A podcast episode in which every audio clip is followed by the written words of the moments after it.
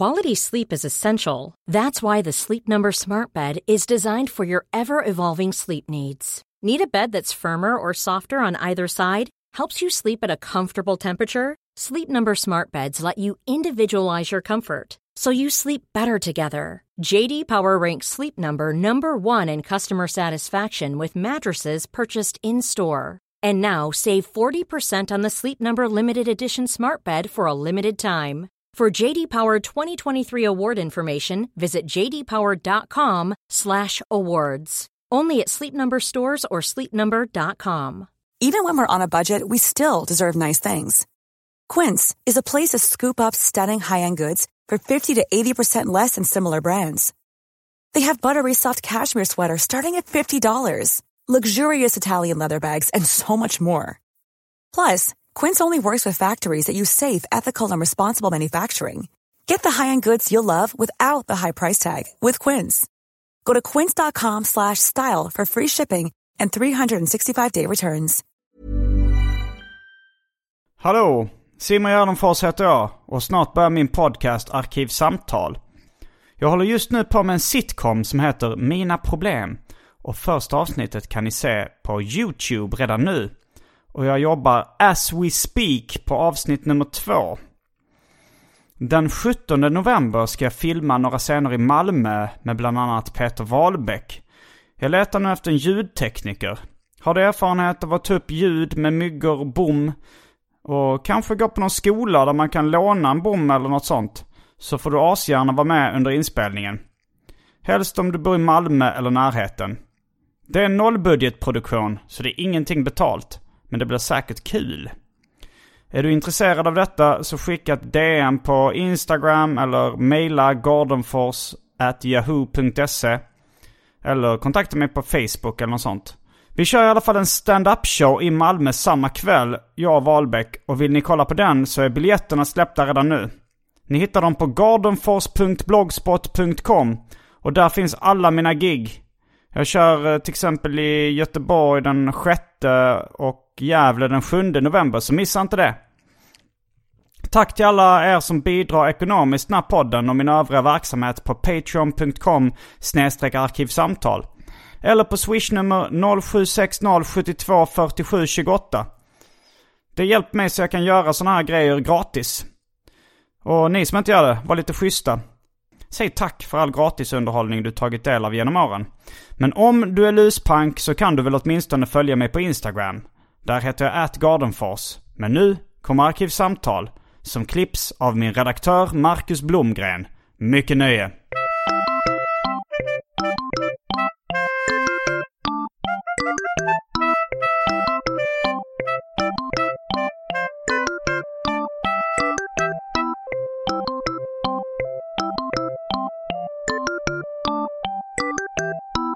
Hej och välkomna till Arkivsamtal. Jag heter Simon Gärdenfors och mitt emot mig sitter Henrik Möller.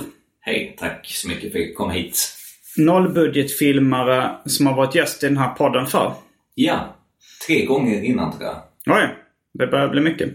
Vi befinner oss just nu i Malmö i min mammas lägenhet i eh, vad som enligt bostadsannonsen kallas för Malmös Manhattan.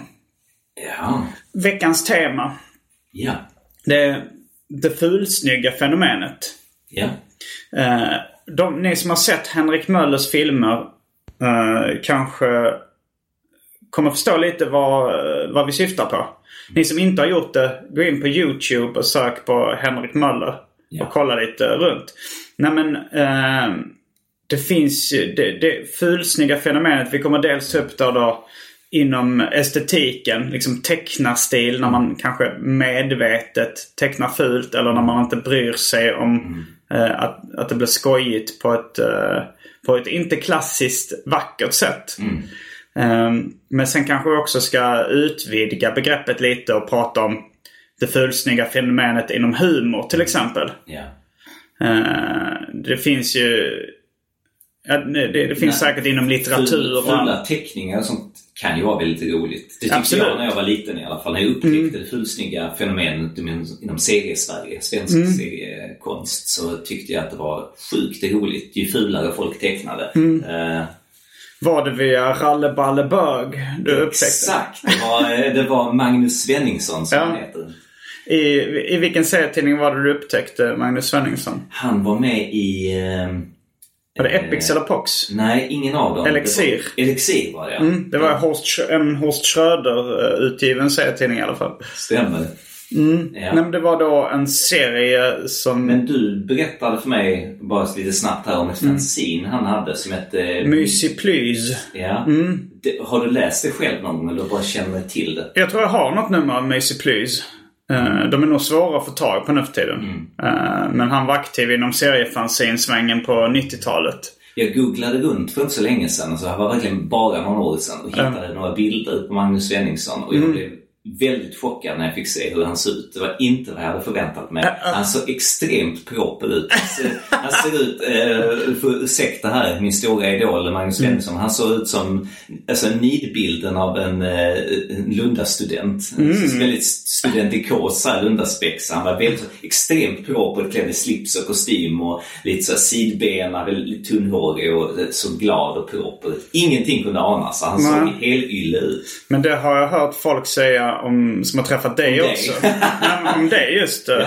Att de har sett dina filmer och tänker att det ska vara så en grov, sunkig, vulgär burdus typ. Och Ja. sen sagt, men han var ju jättegullig.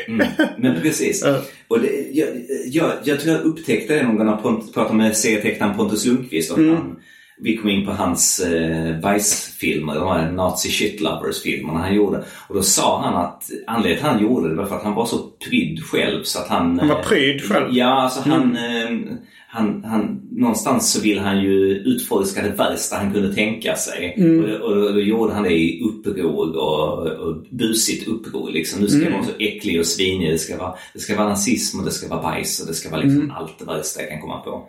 Han var rebell mot sig själv. Ja, ungefär så. Och Det, jag känner väl någonstans, i alla fall när man är ung, kan det ju vara så att man liksom bara frossa i det man tycker är det mest farliga och obehagliga kanske. Ja, jag var nog också ganska pryd på ett sätt när jag var liten. Jag kommer ihåg att jag tyckte det var rätt obehagligt när jag upptäckte först när de var av Python. Alltså de, och även ett eh, danskt fanzine som hette Achtung. Men Python var det så grov. Jag läste de första numren av Python. Vad var det som var obehagligt med dem? det här med svull och första numret. Ja, det var... Nej men det var väl bara så här att det var kiss, bajs och sex. Och jag var inte alls van vid det. Okej. Eh, alltså så... Men du hade inte kanske inte läst någon Jag var kanske tidigare? 11 eller något sånt när de kom. Ja, Shit, det var ändå rätt länge För sedan. det var 1990 tror jag. Ja. Och jag var nog 11 eller 12. Eh, så jag, men jag vande mig vid den. Mm. Men, men just Ralle Balle Bög, vill du förklara för lyssnarna vad det var för typ av serie? Vad den gick ut på? Den var ganska kort va? En sida? En sida var det alltid. Och om man tar alla, inte bara just Ralle Balle Bög, så var det alltid det här att det var extremt fula teckningar. Alltså det var ju fula... Mm. Ja, det var så, ungefär som en... Ja. Men det kan vara en, en, en 12-åring eh, som Max. försöker teckna roligt. Ja, Så, faktiskt. ja. Mm. Lite så. Det, det, det köper jag. En, en fjärdeklassare kanske. Ja. Eh, så att, så ja, som en tioåring har tecknat och eh, det var alltid en, en poäng som inte var en poäng på slutet. Det var antihumor. Antihumor. Det kan man också kalla att det är liksom inom det fulsnygga fenomenet så är ju då antihumor när det är så här. Ja, det inte finns någon direkt poäng. Ja, det var så här, fyra bilder. En gubbe. Här har vi en dum jävel. Här har vi en till. Och en till och en till. Så nu är de fyra slut. Så kunde en serie se ut av honom. Hur var Ralle Balle Bög? Det var saker han gjorde. Bara så här sitter Ralle Ballebög på en pall och äter en korv. Och sen så här är han, ibland så är han inne på dass. Ibland så matar han sin katt. Ibland så är han ute i skogen. Och så- Nu kommer jag ihåg slutklämmen. Ja. Sicken va? Ja. Sicken är en va? Det var bara det. Ja. Det var liksom Alltså slutpoängen var inte alltid det roliga. Man skrattar kanske för... De första gången skrattade man ju för att det var så meningslöst. Ja, man skrattar åt namnet Ralle Balle Bög. Ja, det var man det. skrattar åt tecknarstilen som var så ful. Och det var lite det som inspirerade mig också. Att när man läste serien att man tänkte att den här människan måste vara fullständigt dum i huvudet. Man förstod ju att det inte var ett barn som hade gjort det. vara en vuxen. Som hade det. Då måste han vara lite förståndshandikappad. Eller en extremt obehaglig människa. Och det är det jag har liksom stulit eh, och anammat själv. Att man, när man tittar på shit, vad är det för en sjuk jävel? Och i och med att jag hade röst och sånt med en berättare så skulle, skulle jag rösta vad äcklig. Så att man fick en, en äcklig känsla i rösten också. De här teckningarna. Att fan, det här var ju, det här är helt sjukt. Att man, man skrattar i ett sorts skräckblandad förtjusning. Ja, vi, ska, vi ska komma in på lite olika varianter av det fulsnygga fenomenet. Men innan dess så har det blivit dags för det omåttligt populära inslaget Välj drycken.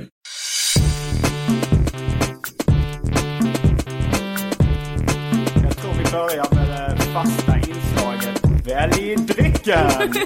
uh, och vi är hemma hos min mamma så lite annorlunda utbud. Uh, det finns San Pellegrino mineralvatten. Eldorado mineralvatten. Det finns uh, Grape Tonic, Indian Tonic, mandelmjölk, Carlsberg 3,5, uh, gammeldansk, Gordons Gin. Vilket innebär att man kan göra en gin tonic om man vill. Det finns uh, Absolut Kurant och det finns Cointreau. Sen så att det fanns några småflaskor snaps också. Någon slags uh, brännvin tror jag det var. Uh, I kylskåpet som man skulle kunna... Som uh, min mamma och hennes sambo Greger sa att vi också fick ta om vi ville. Det var ju väldigt snällt. Mm. Ska vi blanda en grogg på en gin och tonic? För det råkar vara så att eh, jag dricker väldigt sällan gin och tonic. Men mm. jag är väldigt förtjust i det. Ja, men jag också, var också rätt sugen på gin och tonic. Då, då låter vi bara... Då är vi strax tillbaks med dryckerna kända från det omåttligt populära inslaget Välj drycken. Häng med!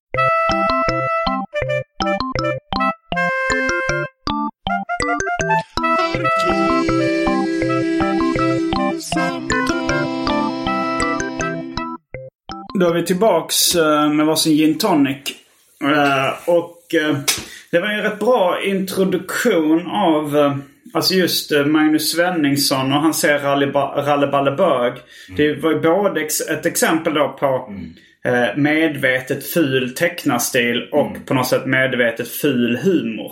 Det vill säga antihumor. Ja. Som jag upptäckte ganska mycket via seriefanzinet Uggrar Comics. Mm. Har du läst det? Nej, aldrig hört talas om. Det är ganska smalt fanzin från Bjärred.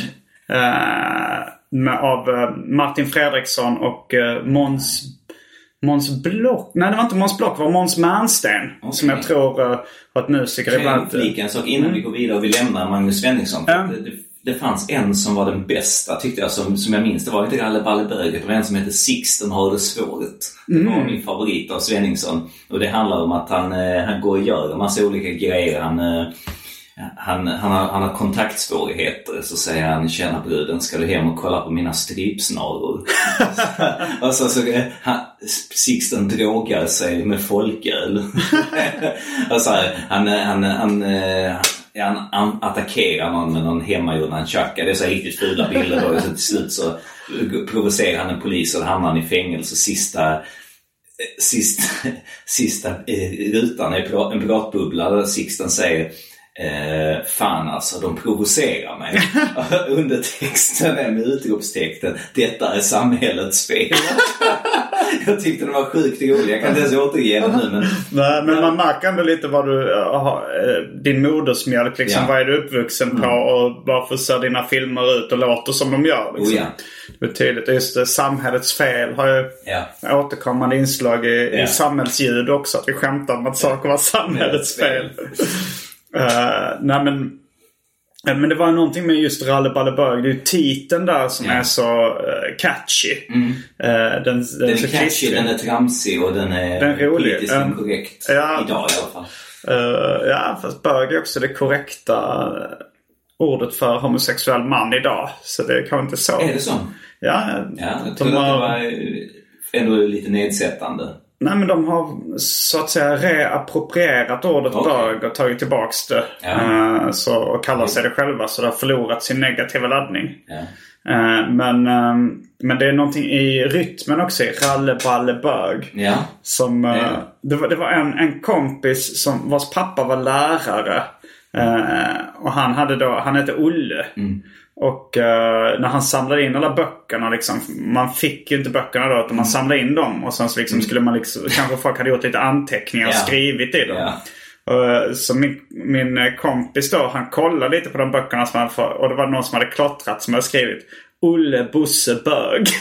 Det är nästan som Ralle Balle. Bög.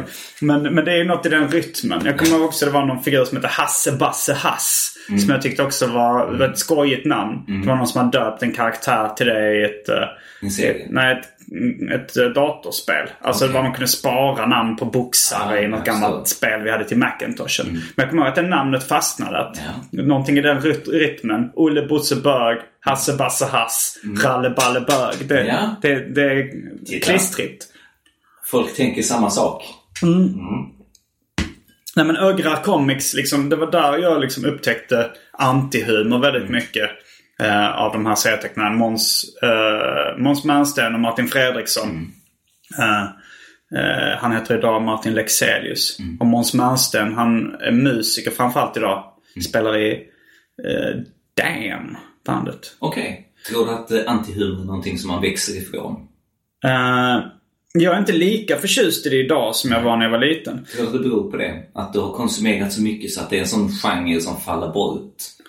Fast jag kan nog uppskatta det En ibland gång, också. en gång på hundra. När man Nej, har glömt bort och så kommer det tillbaka igen så Sen går det tio år till. Ja, men jag, i och för sig, jag uppskattar det nog i små doser fortfarande. Om jag ser en film, om man ser någon, sån, någon komedi och sen så kommer, sen så är det något, liksom, väl, någon, något väldigt absurt skämt i den filmen som inte har någon poäng. Då Om kan jag en skratta åt hel serie bara baserat på antihumorskämt. Ja, det hade jag nog tröttnat lite på. Men jag tror de flesta barn har ju en antihumor-fas. Alltså så här att när man kommer på att det finns skämt som inte är roliga. Alltså, eh, vi... eh, eh, Min farsa berättade något sånt skämt. Alltså som var så här, vad är det för skillnad på en ekorre? Han kan varken cykla. Just det. Tyckte, jag- det var, jag tyckte det var hejdlöst roligt. Men, och alla barn har ju sådana varianter. Det var två älgar som var ute och flög och så sa den ena till den andra "Eh, Varför har du en kanelbulle i örat? Jag vet inte. Alltså den typen av skämt tror jag att de flesta barn går Ja, igenom. du flyger snabbare än vad jag gör. Ja. Och så är det slut. Mm. Ja. Jo, det känns som alla barn har sina varianter av de antihumor-skämten. Och att man, man växer upp med dem och har en period när man liksom fattar att poängen är att det inte finns någon poäng. Och tycker det är jätte, jätteroligt. Men har du märkt på dina kompisar att eh, den här pappahumoren har kommit in? Liksom att man har nått en sån ålder nu när man är 40 år gammal att vissa har liksom börjat få lite, lite gubbligare humor. Lite, lite, lite så här som man tyckte ens farsa hade när man var liten kanske. Alltså, Ja, och Pappaskämt är ett, snä- är ett fenomen. Det är mycket ordvitsar och sånt där. Just det, ja, det, det är faktiskt lite missvisande. Men jag tänker så vuxenhumor så att säga. Föräldrar, Som inte så- föräldrahumor som man kallade när man var liten. Alltså att det, det är lite torftigt och så här. Torftigt. Ja. Eh, nej, jag har inte... Eftersom jag umgås väldigt mycket med komiker eh, och sånt där. Mm. Där, det. där tror jag att om, Ja. de, om de skulle börja dra ordvitsar Det och, och torftiga skämt. Det är liksom... Mm. Ja men det är väl... Det kanske... Men någon annan känner du som inte är komiker? Ja. Om du har märkt någon som är i din ålder, att du börjar märka att shit, nu är... Men det första som händer är ofta att de slutar skämta väldigt grovt. Ja. Och då är kanske bara det torftiga kvar. Av det. Skitbra observation! Det känns som det är exakt så. Ja, men det är många som slutar skämta om pedofili eh, och sådär. Man. Slutar! Vissa har aldrig börjat. Ja men, men Ja, eh, alltså jag som, fattar. som skämtade om det innan de fick barn. Ja, men sen när de får barn så, så slutar de skämta om det. Och de kanske till och med slutar svära. Alltså, du vet, Ja. dra ner på allt det vulgära. Allt det fördomsfulla, allt det Ja. eh, sexistiska, allt det homof... Alltså så här, dra, dra ner på allt som är stötande. Och då kanske det inte fanns så mycket där under. De kanske inte var komiska genier under det stötande lagret. och det bara det tråkiga kvar. Utan sin grova humor hade fanns ingenting kvar. Han är fullständigt tom människa inombords. Vad deppigt. Ja, men det här var jättebra. Jättebra. Du har löst ännu en sak, ja. Eh, men eh, jag tänkte på, så när, när du började då göra film i den estetiken. Det är kanske framförallt det visuella som är fulsnyggt i det du håller på med. Snarare än manusmässigt. Ja. Eh, på ett sätt är det ju lite fulsnyggt manusmässigt också. Att det, det, är ändå, det är inte medvetet dåligt liksom. Teckningarna kan jag inte göra så mycket åt. Jag ritar ju fult på riktigt så att de får ju vara vad de är. Men Ja. jag, ibland så, nu när du satt och sa det, jag tänkte fan man kanske skulle göra en ny film när man tecknar ännu sämre. För jag hade en period där jag tecknade med vänster hand Ja. och sånt där. Jag är väldigt högerhänt. Så tecknade med vänster hand och ibland så blundade jag när jag tecknade med vänster hand och försökte pricka in och ögonen kom snett och sådär. Jag tyckte det var skitroligt ett tag. Så att lite sådär grejer att det ska se riktigt förjävligt ut. Ja, men jag tror faktiskt att det roliga är när man ändå ser att det är någon som har gjort sitt bästa. Det är så... Och det ändå blir fult. Ja. Jag tycker inte det, jag tycker, det, jag tycker ofta det är tråkigt när man, när man ser att det är någon som kan teckna på riktigt. Eh, och medvetet gör någonting Ja, det är dåligt. Det är, det är roligare när man ser att någon verkligen har... Och då tycker jag det kan bli snyggt också. Alltså då blir det verkligen fulsnyggt i ordets rätta bemärkelse. Eh, om man tänker till exempel serietecknaren Mats Jonsson.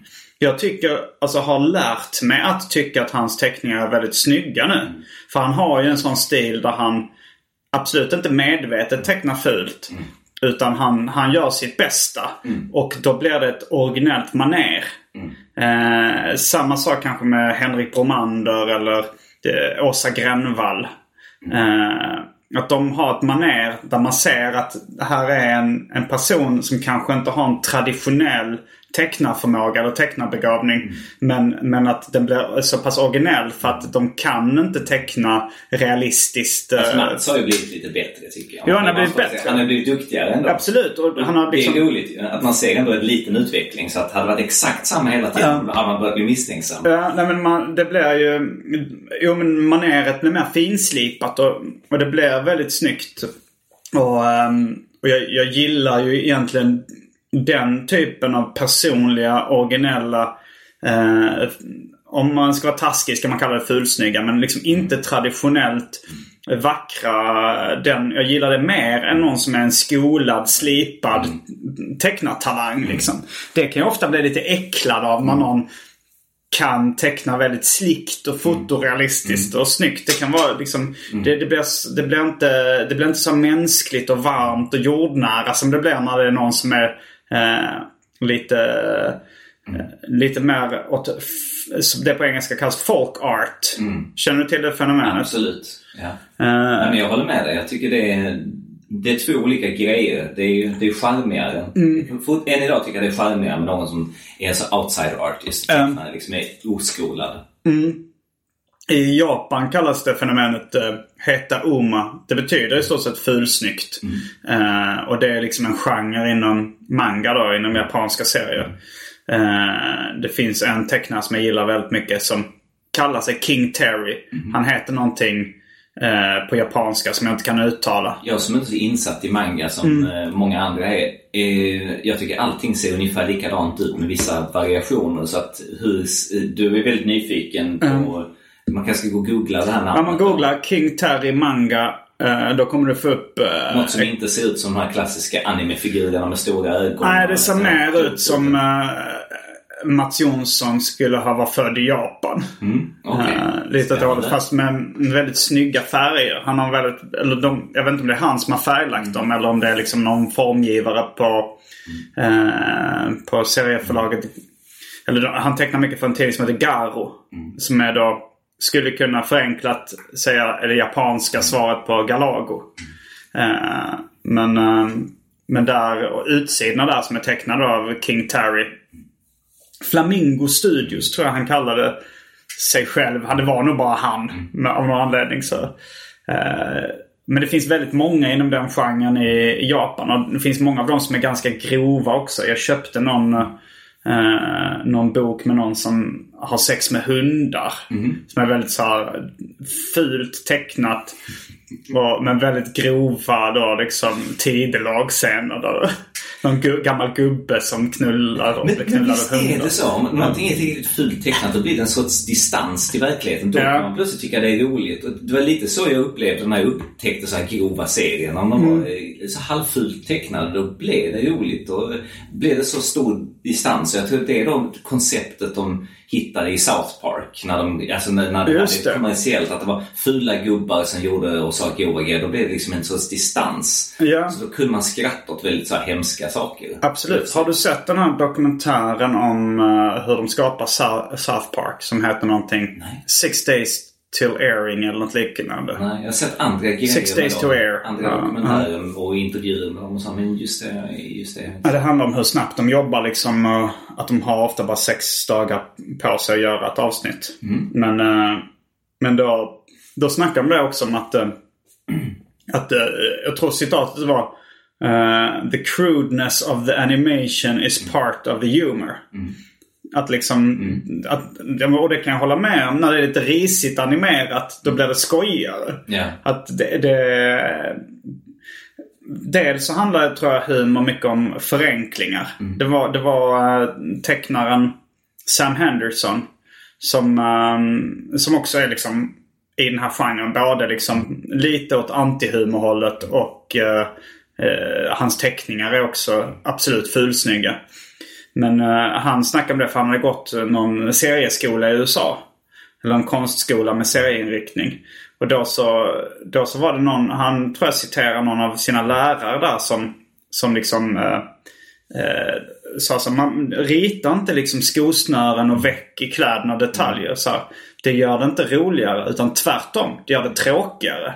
Ifall liksom för att detaljerna tar fokus från poängen nästan. Ja, det kan vara så. Att det blir roligare när det blir förenklat. Och det tror jag stämmer. Jag tyck, kan tänka mig det. Jag I, tänkt jag tänkte på det när jag såg Simpsons långfilmen. Eh, Var den snyggare tecknad än ja, ja, det var lite så här, De hade lite så här sexiga kameraåkningar och 3D liksom inslag och det var lite snyggare. Och det tyckte jag gjorde filmen tråkigare. Alltså det här enkla och, och liksom lite det som känns lite B. I, speciellt i, i tecknat och animerat och sånt tycker jag ofta blir roligare. Ja. För mig var det nog alltid att eh, vem som var bakom det var roligt. Att man, man tyckte att vad fan, den här människan är fullständigt sjuk i huvudet. Ja. Alltså, man satt ju inte och analyserade men man kände det intuitivt samtidigt som man tittade på det. Mm. Shit, vem fan har gjort detta? Det här är ju helt sjukt. Och, eh, man blev lite skrämd eh, samtidigt. Men så det roligt sen. så att Man, det är precis som man tittade på något förbjudet. Man hade kommit in i, ett, i en främmande människas rum och hittat eh, en skokartong som var halvöppen där det låg en massa obehagliga bilder. Att jag berättade dag, förra avsnittet, jag kommer inte ihåg något avsnitt med det. Jag berättade om en polare som hade fastnat eh, på en tågstation och fått med en främmande man hem och sovit i hans kök. För han hade så liten etta, han ville inte sova i hans sovrum. Och Det var så här fullt med gamla mjölkkartonger överallt och det stank skit och kattskit och sånt överallt. Det var jättesunkigt. Ska han gå på toaletten så snubblade han över en skokartong och det trillade ut en massa, eh, en massa foton där inne. Han stod eh, och med ena foten tryckte ner en kille som låg ner och pissade honom i anus. Liksom, här, jävlar. en sån här, ja, det var väl en sån här... eh, Ja, en, Det var en kompis till dig som följde med en en okänd man hem. Jag var, jag var halvbekant liksom. En Ja. klasskamrat. Så, att så nära man kan vara med en klasskamrat som man inte hänger med jättemycket. Men han berättade i alla fall att när han hade åkt hem då att, eh, från den här festen han var på i någon kommun till folkhögskolan där vi gick. Ja. Och då hade han råkat ut för detta. Och han hade, var, han hade varit på fest med någon man som han... Nej, han, han, han fastnade på stationen. Han missade sista tåget. Okej, ja. Det var någon annan som också hade missat det. Ja. Sa han, fan du kan hänga med hem, med hem och sova. Och det var den mannen hade varit på mannen. festen också eller? Ja, man och man. Han var väl kanske ungefär hans ålder. Det var Ja. ingen gammal gubbe. han. Men det var... Men det, det på det fotot där han pissade i någons anus. Ja. Det var eh, han själv på fotot. Ja, Så ja. Han själv som man sa, shit, oh, det, var, det är han ju. Ja. Så att, eh, det var bara en sån anekdot han berättade Jo, men jag fattade känslan av att hitta en skokartong med gamla obehagliga foton. Ja, men lite samma grej. Så här, ett dödsbo eller något sånt Jo. Jo, det, det, det är liksom det här spännande och farliga. Eh, Jag tänkte Man får en inblick i något annans liv bakom Ja. stängda dörrar där någonting har hänt. Att man har hittat den här lilla filmen. Vad fan är det här för skit som har läckt ut? Ja, men det är intressant det där när man tror att det är någon väldigt udda person bakom ett konstverk. Jag kommer ihåg Petrina Solange berättade nyligen att, eh, att hon hade, alltså hon är ju så, hon är ju så, så pass mycket yngre än oss att när, hon, när Eminem slog igenom så var hon ett barn. Eh, och att då hon hade hittat en Eminem-skiva i eh, sin mammas bokhylla. Och lyssnat på den och tyckte det var jättespännande. Och hon hade liksom fått för sig att Eminem var en mördare på riktigt. Och de pratade, det liksom gick rykten bland hennes barnkompisar om den här Eminem. Att de, för de, liksom, de köpte den här myten om att han var sjuk i huvudet på Ja. riktigt. Och det gjorde det mycket mer spännande, lite farligt och lite obehagligt att lyssna på de här låtarna. Eh, men, men oftast inser man ju att ganska många av dem som skapar eh, så kallad sjuk konst eller underhållning är ganska friska personer. Ja. Eh, och det är ju på ett sätt lite en besvikelse. Som Man, vuxen, ibland kan det ta rätt lång tid. Men det vi gör, det är ju mycket det är till för en yngre publik någonstans. Allting är ju bäst när man är lite för ung. Man upptäcker det när man är lite för ung egentligen. För att, man ska nämna något spännande. Ja, alltså när man är så här i lågstadiet och hittar någonting Ja. sånt här. Det, Jag tänker inte så. Jag, jag har ju inte så mycket målgruppstänkande Nej. när jag skapar en underhållning. Jag, jag gör ofta det jag tycker själv är kan du ju kul. säga att det är då det är som bäst. När man är i våran ålder då är det väldigt svårt att bli imponerad. Ja. I alla fall man blir inte imponerad på samma sätt. Nej, man har ju sett allt och hört allt. Mm. Men när man, när man kanske är tio då kunde man få sådana här kulturella upplevelser. Det här liknar inte någonting jag sett någonsin. Exakt. Och det var ju mycket större känsla. Ja. Eh, om du hade sett liksom Ralle Balle Bög idag Mm. så hade du säkert då hade du sett han var varken först eller sist med den typen Nej. av eh, humor Exakt. eller Det hade tecknarstil. nog bara varit dåligt tyvärr. Kanske. Kanske. Eh, Men jag tänkte, alltså den typen av fulsnygg humor och kanske i viss mån också estetik inom animation kan ha varit så att den blev som mest mainstream när eh, Monty Python slog igenom. För där var ju mycket antihumor. Ja. Det kunde vara en gammal tant som stod, satt i telefon och stod och pratade i telefon och sa yes, yes, yes i typ tre minuter. Och att det var det roliga, att det var så jävla dumt. Och sen var det ju liksom Terry Gilliams animationer som också var väldigt eh, eh, förenklade och, och liksom fulsnygga på något sätt. Eh, vilket jag också hörde då South Park sa att de var inspirerade av just eh, Terry Gilliams animationer i Monty Pythons flygande cirkus.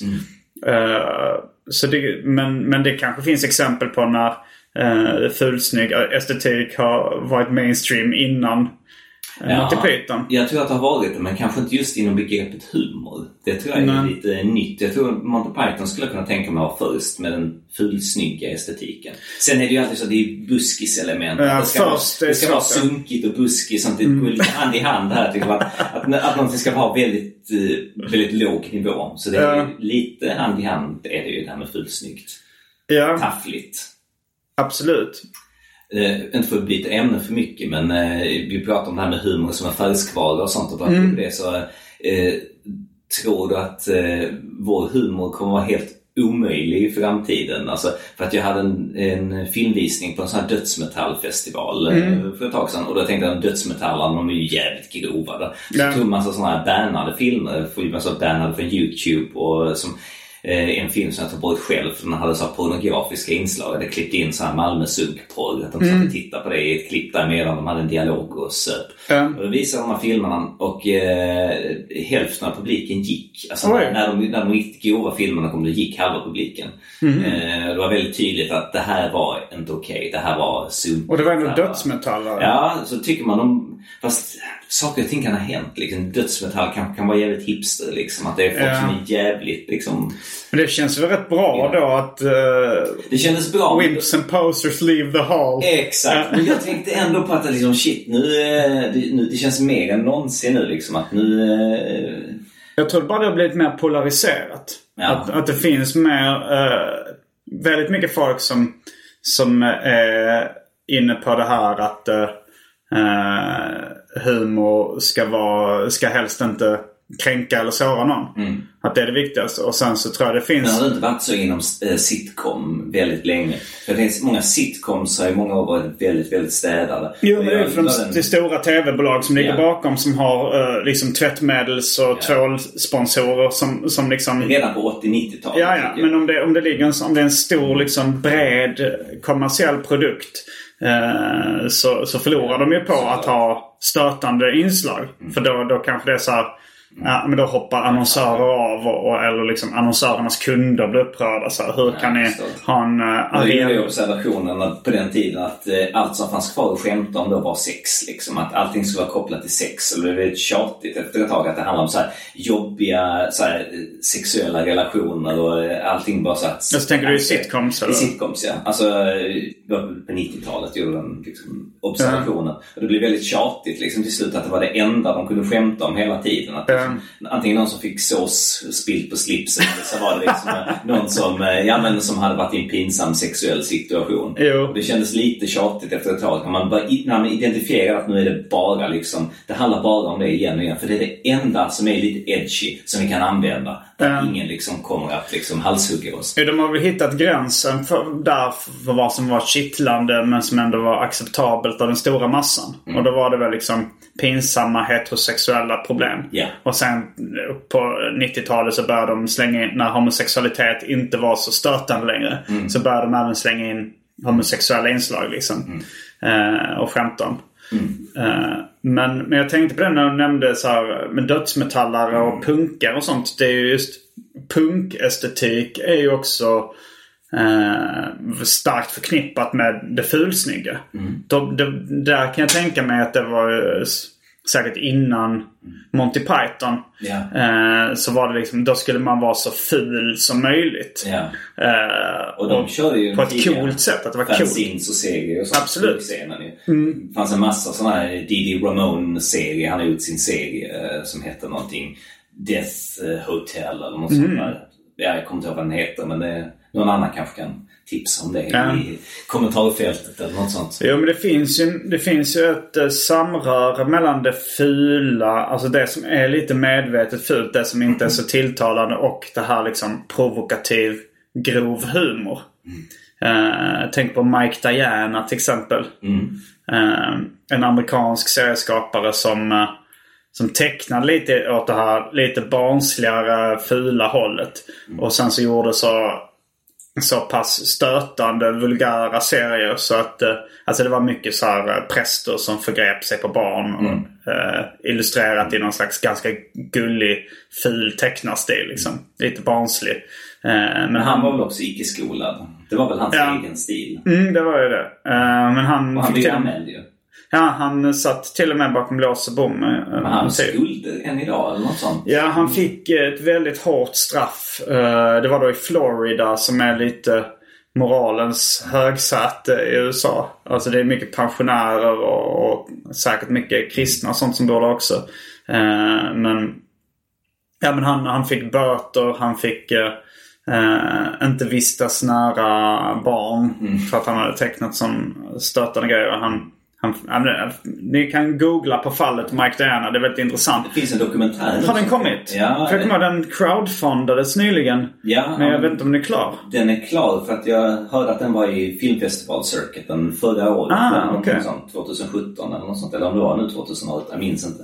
Men den är färdig och det är han regissören till Basket Case-filmen. Alltså den hyfsat... Vad är det för film? Frank Hennelotter heter han som har regisserat den. Jag känner inte till Basket Case-filmen. Det är sån här kultskräckfilm. Men, uh, han, han har gjort en massa filmer. Mm. Eh, så att han är ju han är inte vem som helst som har gjort den. Så att det är ändå ett litet namn där. Men eh, jag vet inte. Den, det finns en trailer på YouTube man kan kolla på i alla fall. Mm. Men det går inte att få tag på och se? Jag, vet sätt. jag har inte forskat så mycket i det. Jag var aldrig så stor Michael Diana-fan. Jag har känt till fallet men har aldrig varit så här liksom stor fan. Jag måste se det här. Så att... There's never been a faster or easier way to start your weight loss journey than with plush care. PlushCare accepts most insurance plans and gives you online access to board-certified physicians who can prescribe FDA-approved weight loss medications like Wigovi and Zepbound for those who qualify.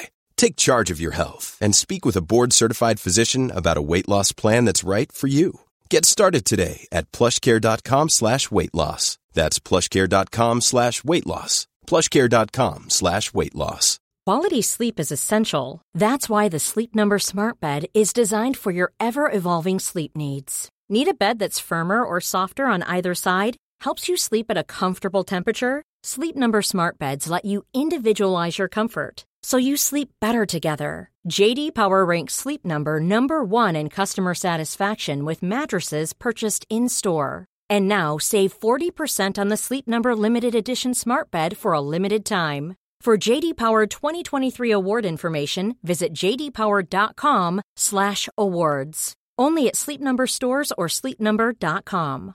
This is Paige, the co-host of Giggly Squad, and I want to tell you about a company that I've been loving, Olive and June. Olive and June gives you everything that you need for a salon quality manicure in one box. And if you break it down, it really comes out to $2 a manicure, which is absolutely insane. It's also so easy to get salon worthy nails at home with Olive and June. The difference between how your nails used to look when you did them yourself and now with the Manny system is a complete game changer. The best thing about Olive and June too is it's a quick dry, dries in about one minute, lasts for five days, and full coverage in up to one to two coats. Visit oliveandjune.com slash perfectmanny20 for 20% off your first system. That's oliveandjune.com slash perfectmanny20 for 20% off your first system.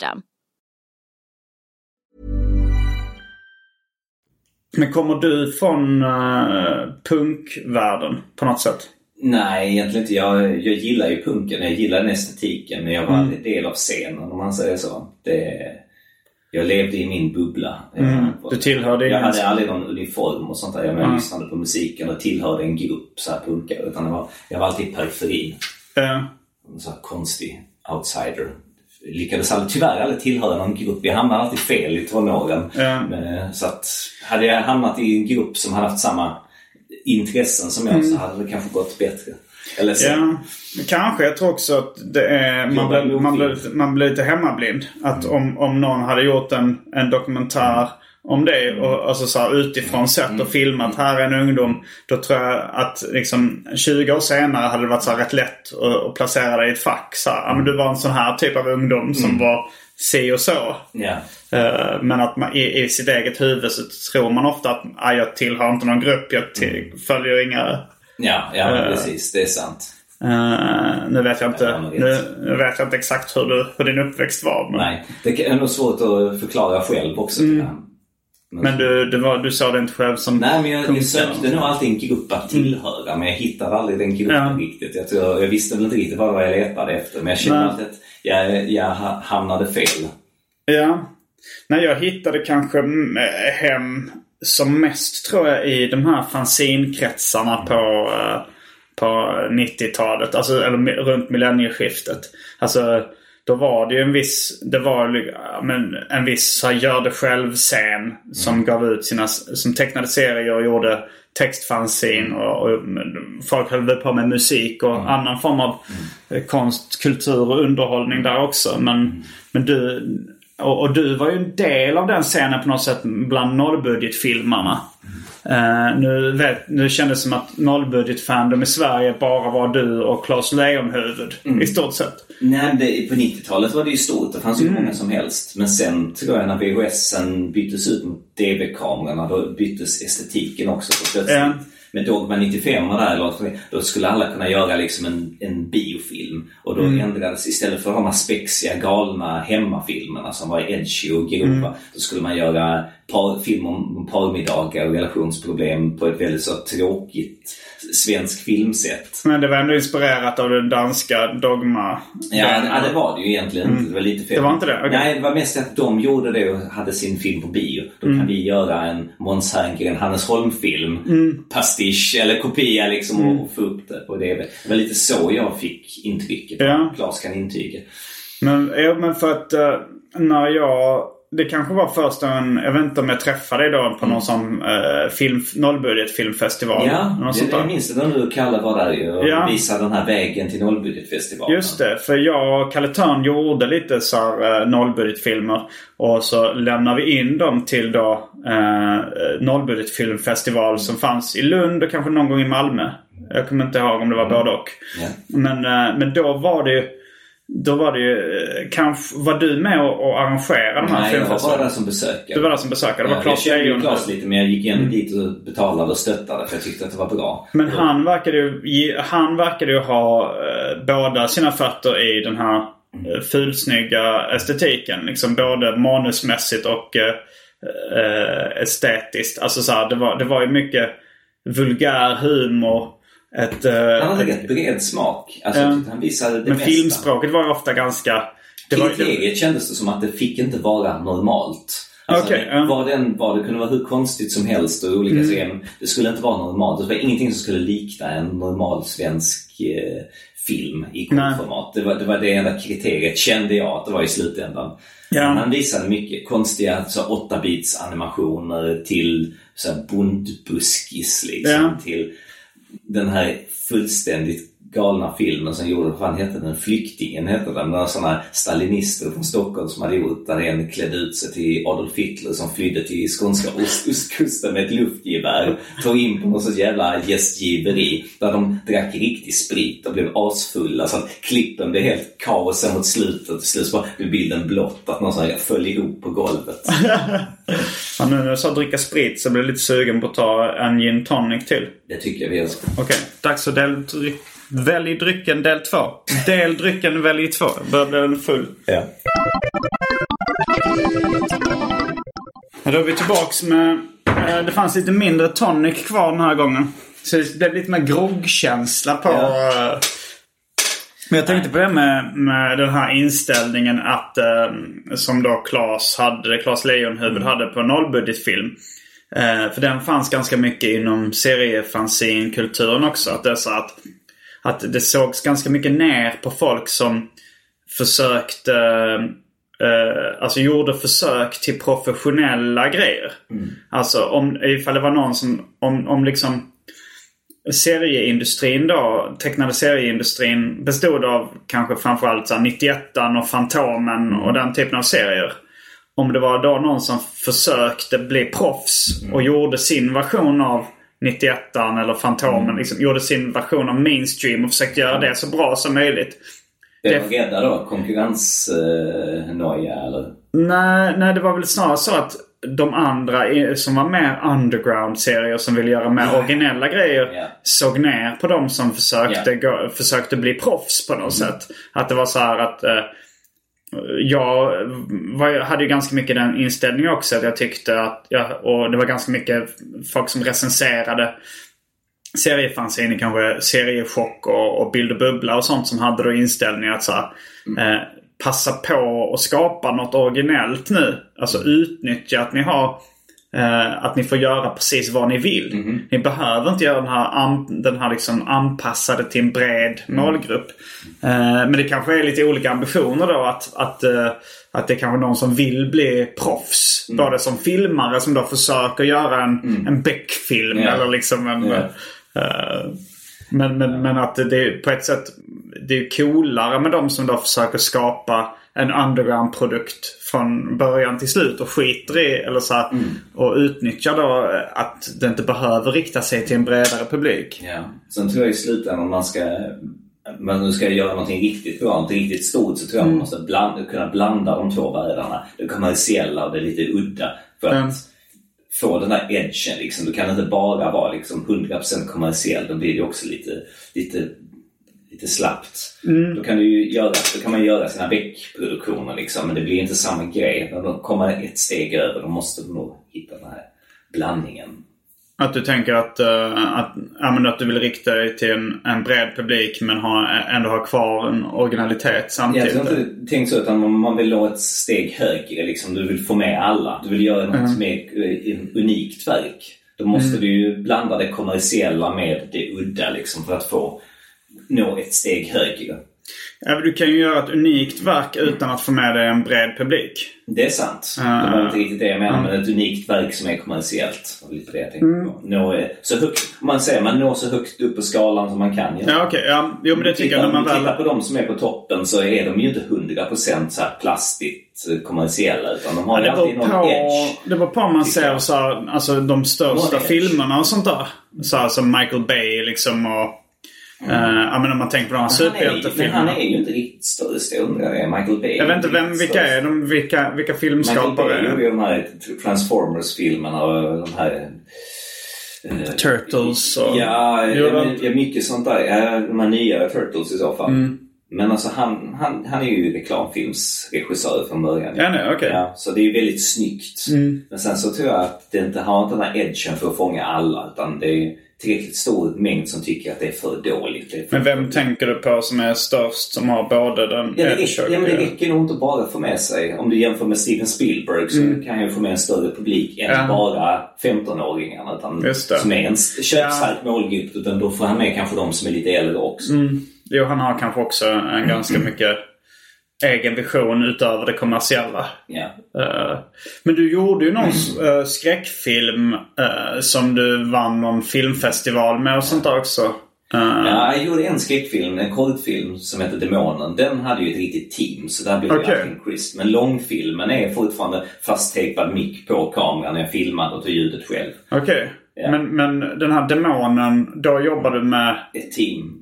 Jag hade ju jobbat så länge i branschen så att då Ja. var det ju folk som sa om du vill göra någonting så Ja. hjälper vi dig. Och då samlade jag alla dem på samma plats. Ja. Och så under en helg spelade vi in en 20 minuters, Ja. 20 minuters film. För jag har ju börjat lite nu med nollbudgetfilm kan man ju säga. Alltså, din sitcom. ja.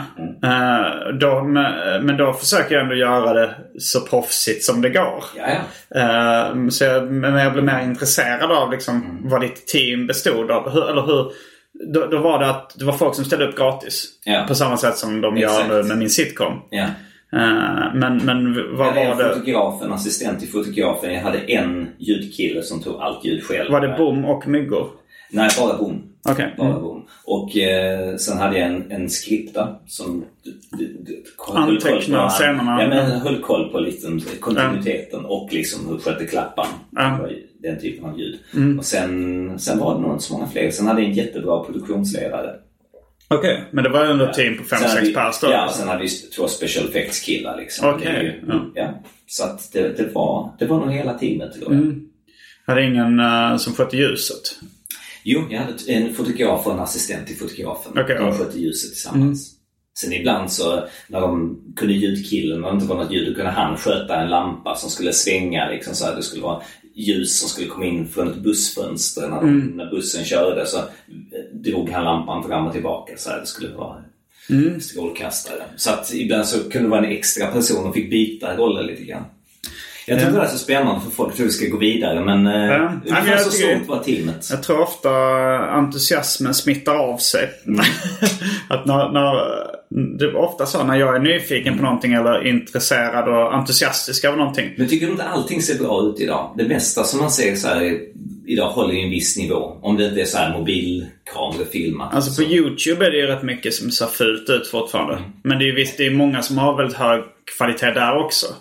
Eh, men jag tänkte på det, du som eh, du som kommer från den här liksom fulsnygga estetiken och, och liksom har omfamnat den rätt mycket. Kan du uppskatta eh, traditionell skönhet i film och andra saker också? Ja, men jag, ja, absolut. Absolut. Jag tyckte jag gjorde mitt bästa i den här demonen då. För Ja, att få den nog liksom snygg. Där jobbar jag med färger och sånt där. Det är olika eh, alltså, dekoren. Vi ville Ja. ha en buss som hade liksom röda säten och gula stänger. För att det var liksom en bra färgkombination. Och sen så, Skånska färger. Ja, men lite... Shit, alltså, jag har inte ens tänkt på det. Det sitter djupt där. Skånska folksjälen. Ja, men mot de här gamla gröna bussarna. Allting var grönt och lila på Skånetrafiken. Så att... Eh, lite så hade man ju tänkt ju för att det skulle se snyggt ut. Men jag tror att det är lite skitsamma för att i de här Malmö-filmerna i alla fall, där är innehållet så smalt. Varför ska jag anstränga mig med bilden? Det är, bara, det är ju helt meningslöst för innehållet är redan så smalt så man har liksom eh, alienatat, man har uteslutit så stor del av publiken Ja. redan. Så att det är lite skitsamma. Ja. Kanske bara blir bättre om det ser sunkigt ut. Kanske blir mer dokumentär sunkkänsla över det. Jo, men det tror jag faktiskt att många tycker. Att det är många som föredrar en lite skitigare look på mycket. Att, uh, ja, men till, eh, till exempel Om det är trailer, socialrealism.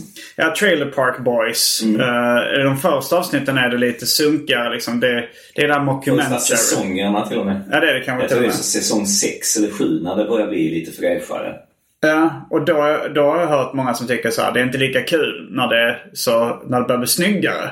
Att det är roligare med det här. Och det kan jag, kan Ja, man tänka... jag upptäckte det och så jag tyckte, jag håller med faktiskt. Mm. Det blev lite tråkigare när det blev så här riktigt fräscht och snyggt. Ja, men det är kanske samma grej som jag upplevde med då Simpsons långfilmen eller det här Sam Henderson-citatet om uh, skosnören och väck på kläderna. Att uh, om det är enkelt och, och, och, och lite sunkigt så kanske det är roligare. Eh, Sen har du suttit och sett sex säsonger och så kommer en sjunde med en annan Ja. fräschare, mer crisp look. Då blir det ju också ett stilbrott. Då hajar man ju till liksom, oj vad är det här? Det blir lite nytt också.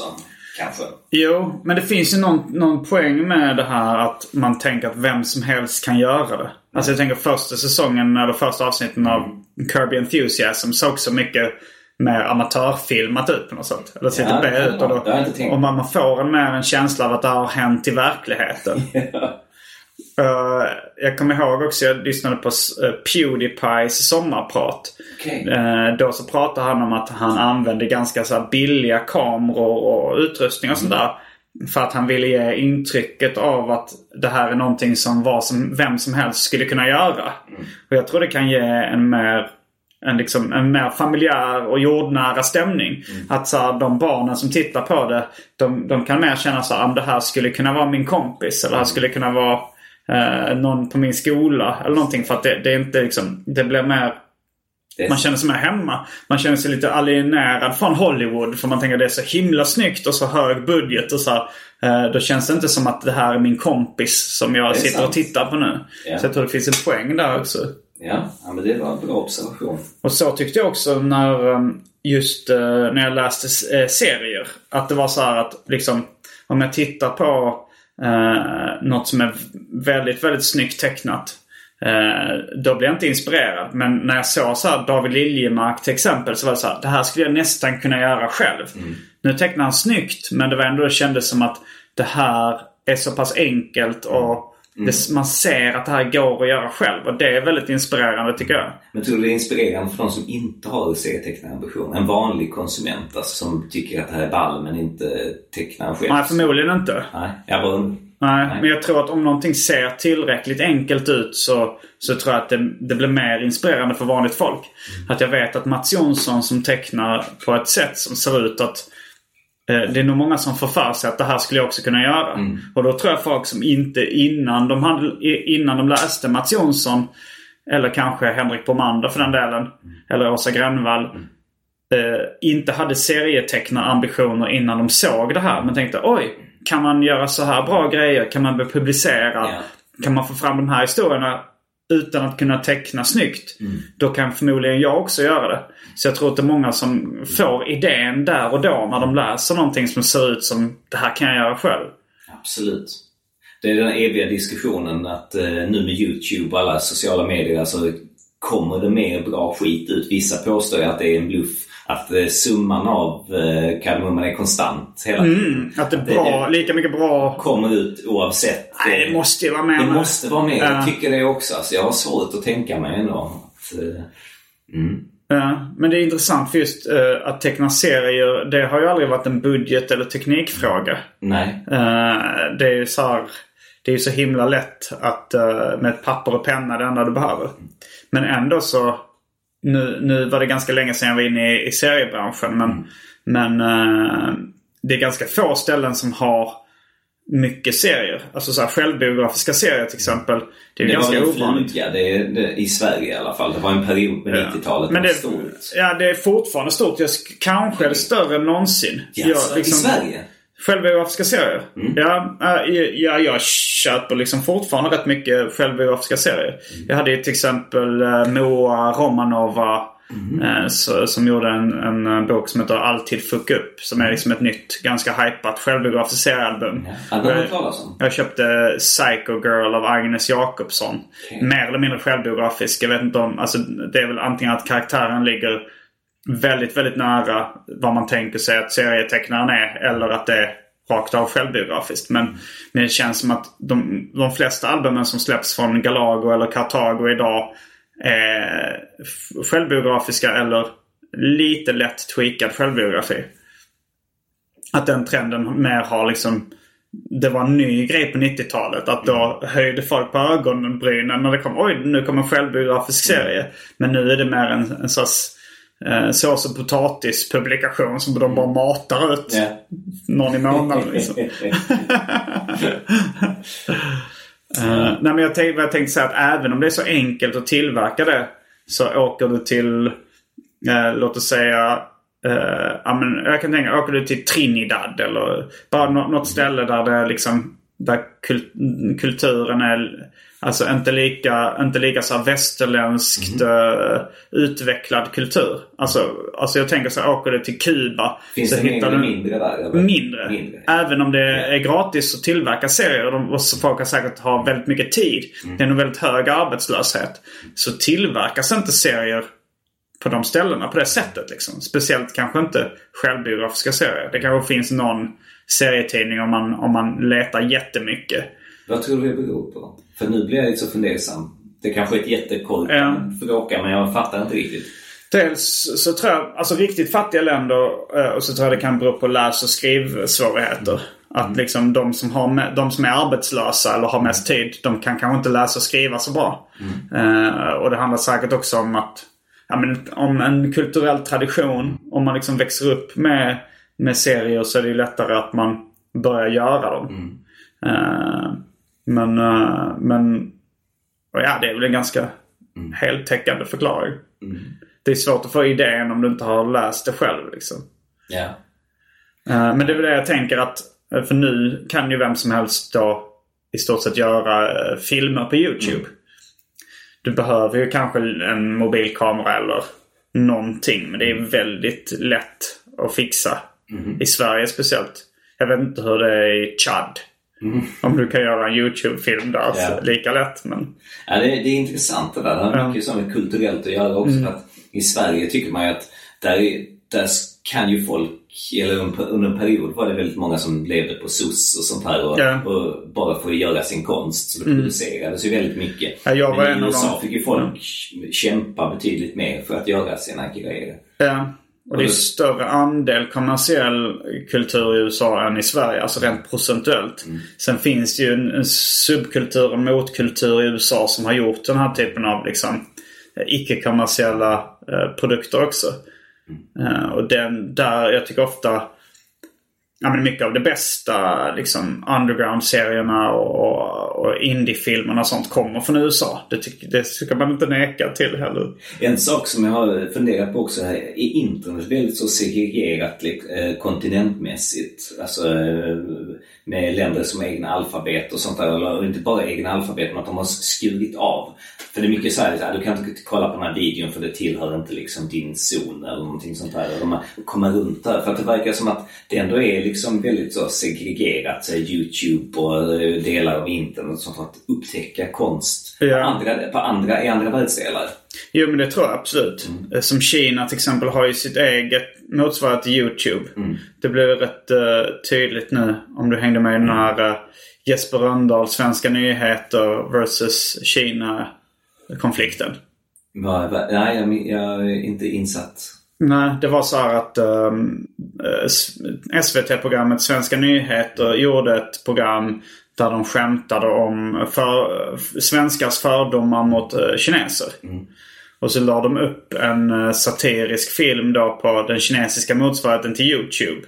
På engelska och textad på kinesiska. Där de liksom lite provocerade och hetsade mot kineser. Eh, och, de, och kinesiska staten blev väldigt arg. Och då eh, gjorde, gick till motattack mot Sverige på något sätt. Eh, men, men, där, eh, men det var där jag fattade första gången att okej det finns en kinesisk motsvarighet till YouTube. Som är helt frikopplad från eh, västvärldens YouTube. Ja. Eh, Nej, men det var lite det jag tänkte på. I den här Ja. diskussionen då att, det är, att det är begränsat. Det är lite det jag vill komma till också. Det är inte bara det att eh, det är svårare utan det är också segregerat. Ja, det är det sättet. Jag Så tror säkert Vi du får får- aldrig se det de gör. när du, dina rekommendationer är förmodligen oftast svenska och amerikanska. Det är väldigt sällan det dyker upp så här. Titta på det här brasilianska klippet. ja, liksom. Exakt. Det är, det är ju mer sällsynt. Mm. Men eh, det har kommit upp. Och jag har ju sett en del brasilianska kortfilmer på Youtube. Mm. Som har lagts upp av eh, folk i Brasilien bland annat. Är inte eh, Two Girls One Cup från en brasiliansk porrfilm? Vet du vad det bästa är? Jag har aldrig sett den, så jag vet inte. Det är någon film jag inte har sett. Och jag har sett mycket annan skit. Men Jag har för mig den, eh, alltså... eh, Jag kan inte svara har du sett den? Jag har sett det klippet som heter Two Girls One Cup. Eh, men det är Det egentligen kommer från en längre film. en längre film som heter Hungry Bitches. Okej. Som jag tror är en brasiliansk uh, bajsporrfilm. Eh, den har jag inte sett. Jag har bara sett det korta klippet. Ja. Eh, men jag tänkte när, när, du, när man snackar om brasilianska Ja. filmer så var det den första som jag tänkte på. Ja. det visste jag inte. Jag fick lära mig någonting nytt här. Spännande. Något mer du vill tillägga innan vi börjar runda av? Jag är ganska full nu så att... Är du det? jag Okej, du är inte- Nej, inte jättefull men bara så, här, så att man blir lite seg i huvudet. Eh, Jag tror vi har betat av det mesta. Ja, jag har ju kommit in, alltså så här det här, uh, för att vara lite snäll mot mig själv, kontinentala drickandet. Ja. När man dricker lite varje dag Ja. och hela tiden går runt och är lite salongs. Trevligt. Då, då blir jag inte så jätte... Uh, märk, jag märker kanske inte själv. Jag har ju märkt att jag sluddrar kanske lite, lite mer än vanligt. Men, uh, men jag, har, inte- jag har inte märkt att det slår liksom. På samma sätt som om man varit nykter en period och sen... Men inte det är lite tråkigt? För att det, det jag tycker är charmen är att man dricker sällan. Så när man dricker blir man jävligt peppad. Man blir jävligt glad. Så nu, nu är jag jätteglad. Ja. Jo men det har ju berätt, det, man har hört om folk som är på mer normala arbetsplatser. Att det är så att eh, när de har liksom personalfest eller kick-off eller sånt där. Att det då ofta är liksom småbarnsföräldrarna som ballar ur och, och slipsen i pannan står på Ja. bordet. Alltså för att de är nyktra så ofta och sen så när de väl dricker så Ja, slår det, jag tror de är hämmade också. Många är ju jävligt hämmade. De har ju levt det här liksom ordentliga livet så länge och, sen, och, de, och egentligen så vill de bara flippa ur. Men det Ja. finns ingen... Ja. Ja, det vi snackade om, om vi nu ska knyta ihop säcken. Ja. Den här humorn som man hade skalats av. Då Ja. kommer alla de grova skämten tillbaks. Exakt, exakt.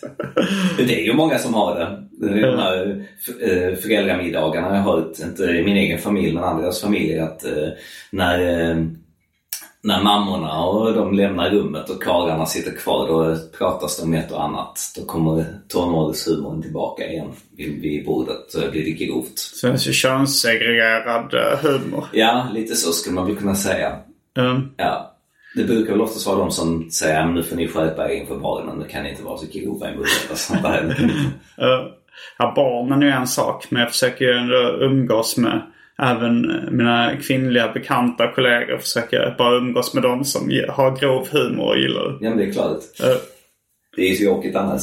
Man kan ju det, det finns det är klart, varför skulle man vilja umgås med någon som är alldeles för stel liksom? Det, du har ju inget gemensamt med den personen egentligen om du är komiker. Nej, man har, om man är på en vanlig arbetsplats så tvingar man, eller när man gick i skolan så tvingades man ju göra det liksom. Ja. Att det är så här, nu är det väldigt lätt att sortera bort de som inte har liknande humor.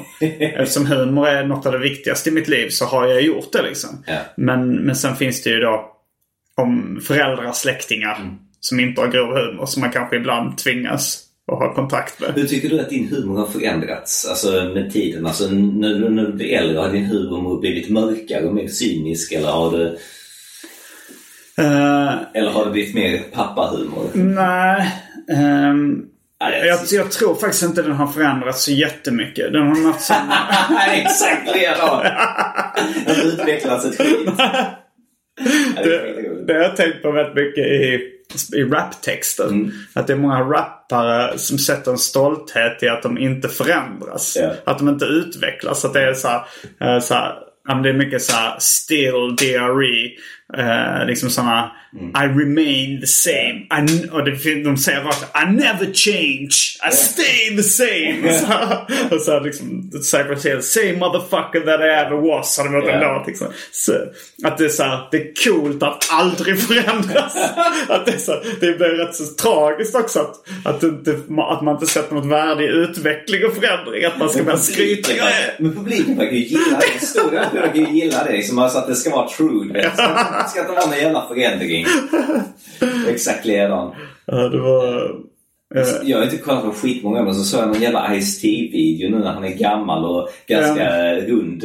Eh, Han, när han spelar in och sånt där buskisinlägg. Han sitter och, hans fru då, eller vad det är, Coco. flickvän, Ja. sitter och tittar på Han sitter och tittar på någon jävla skit på TV. Eller Ja. vad det är. Och hon gnäller på honom. Han tjatar, han skriker det bitch till henne. Det där gamla. Liksom. Det blir så tråkigt för det är så uppenbart att det här ska vara kul. Det här är en buskis. Aha, liksom. aha. Ja, det här ska vara lite roligt. Alltså, det är en uppenbar buskisscen. Men det är inte f- roligt för fem öre. Det är bara så jättetragiskt. Så, så här, I watch whatever Want bitch. I wanna watch my TV.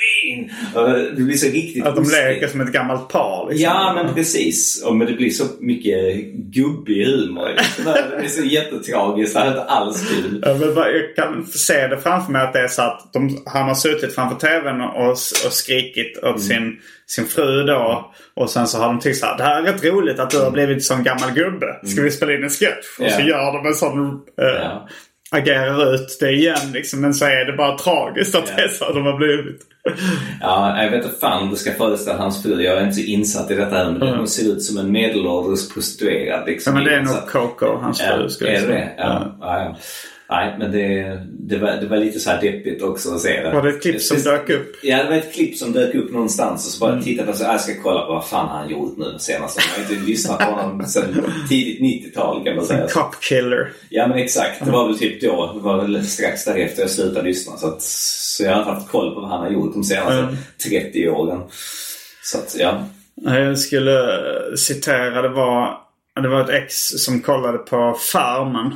Mm. Jag tror det var Farmen Väldigt populär dokusåpa. Ja. Men att det var då eh, Farmen Kristina som hade fått kritik av någon annan dokusåpa-deltagare. Mm. Och de, de hade sagt liksom så här, eh, klagat på något hon hade gjort. Hon sa men det är sån här jag är. Mm. Eh, och så hade då, då någon sagt men då får du förändra dig. och då sa hon här förändras ingenting. Kolla! Det, det, det är universellt! universellt. Det finns överallt. Men det är roligt hur pulliga grejer folk kan klaga på. Alltså det, det, folk kan klaga på allting ju. Klaga på att någon har gått ner i vikt kan de bli förbannade. Det är ganska roligt. Så här, har gått ner i vikt! Vem klagar på det? Nej, jag, jag kommer inte ihåg vilket sammanhang det var. Men det var, det var så en av de bästa liksom. De har bara sålt ut Ja, men, och, någon, ja, och någon porrskådis som har slutat göra porr och sånt där. Det är det bara att slänga på soptippen. Typ. Alltså det är så här skitsura Vem, vem kommentarer. är det? Alltså du tänker på sura YouTube-kommentarer och sånt? Ja, och Facebook också. Liksom. Jag har en massa skit i min feed som dyker upp. Det. Jag, alltså jag, Ja, folk som är arga på kändisar som går ner i vikt eller Ja. folk som är arga på porrstjärnor som slutar Ja, det måste ju vara semikändisar. Jag kommer inte ihåg exakt. Men folk klagar. Det kommer så här förbannade, arga kommentarer i, i feed. Någon som har skrivit på sin wall och sånt där. Det är för jävligt. så. Och det är så här, ju mer sunk du kollar på själv, desto mer sunk får du ju se själv i din feed. För då får du ju kommenta- kommentarerna från alla de här tunga människorna. Det kan vara inspirerande men också lite deppigt.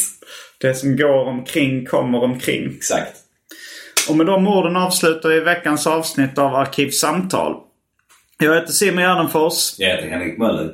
Fullbordat samtal.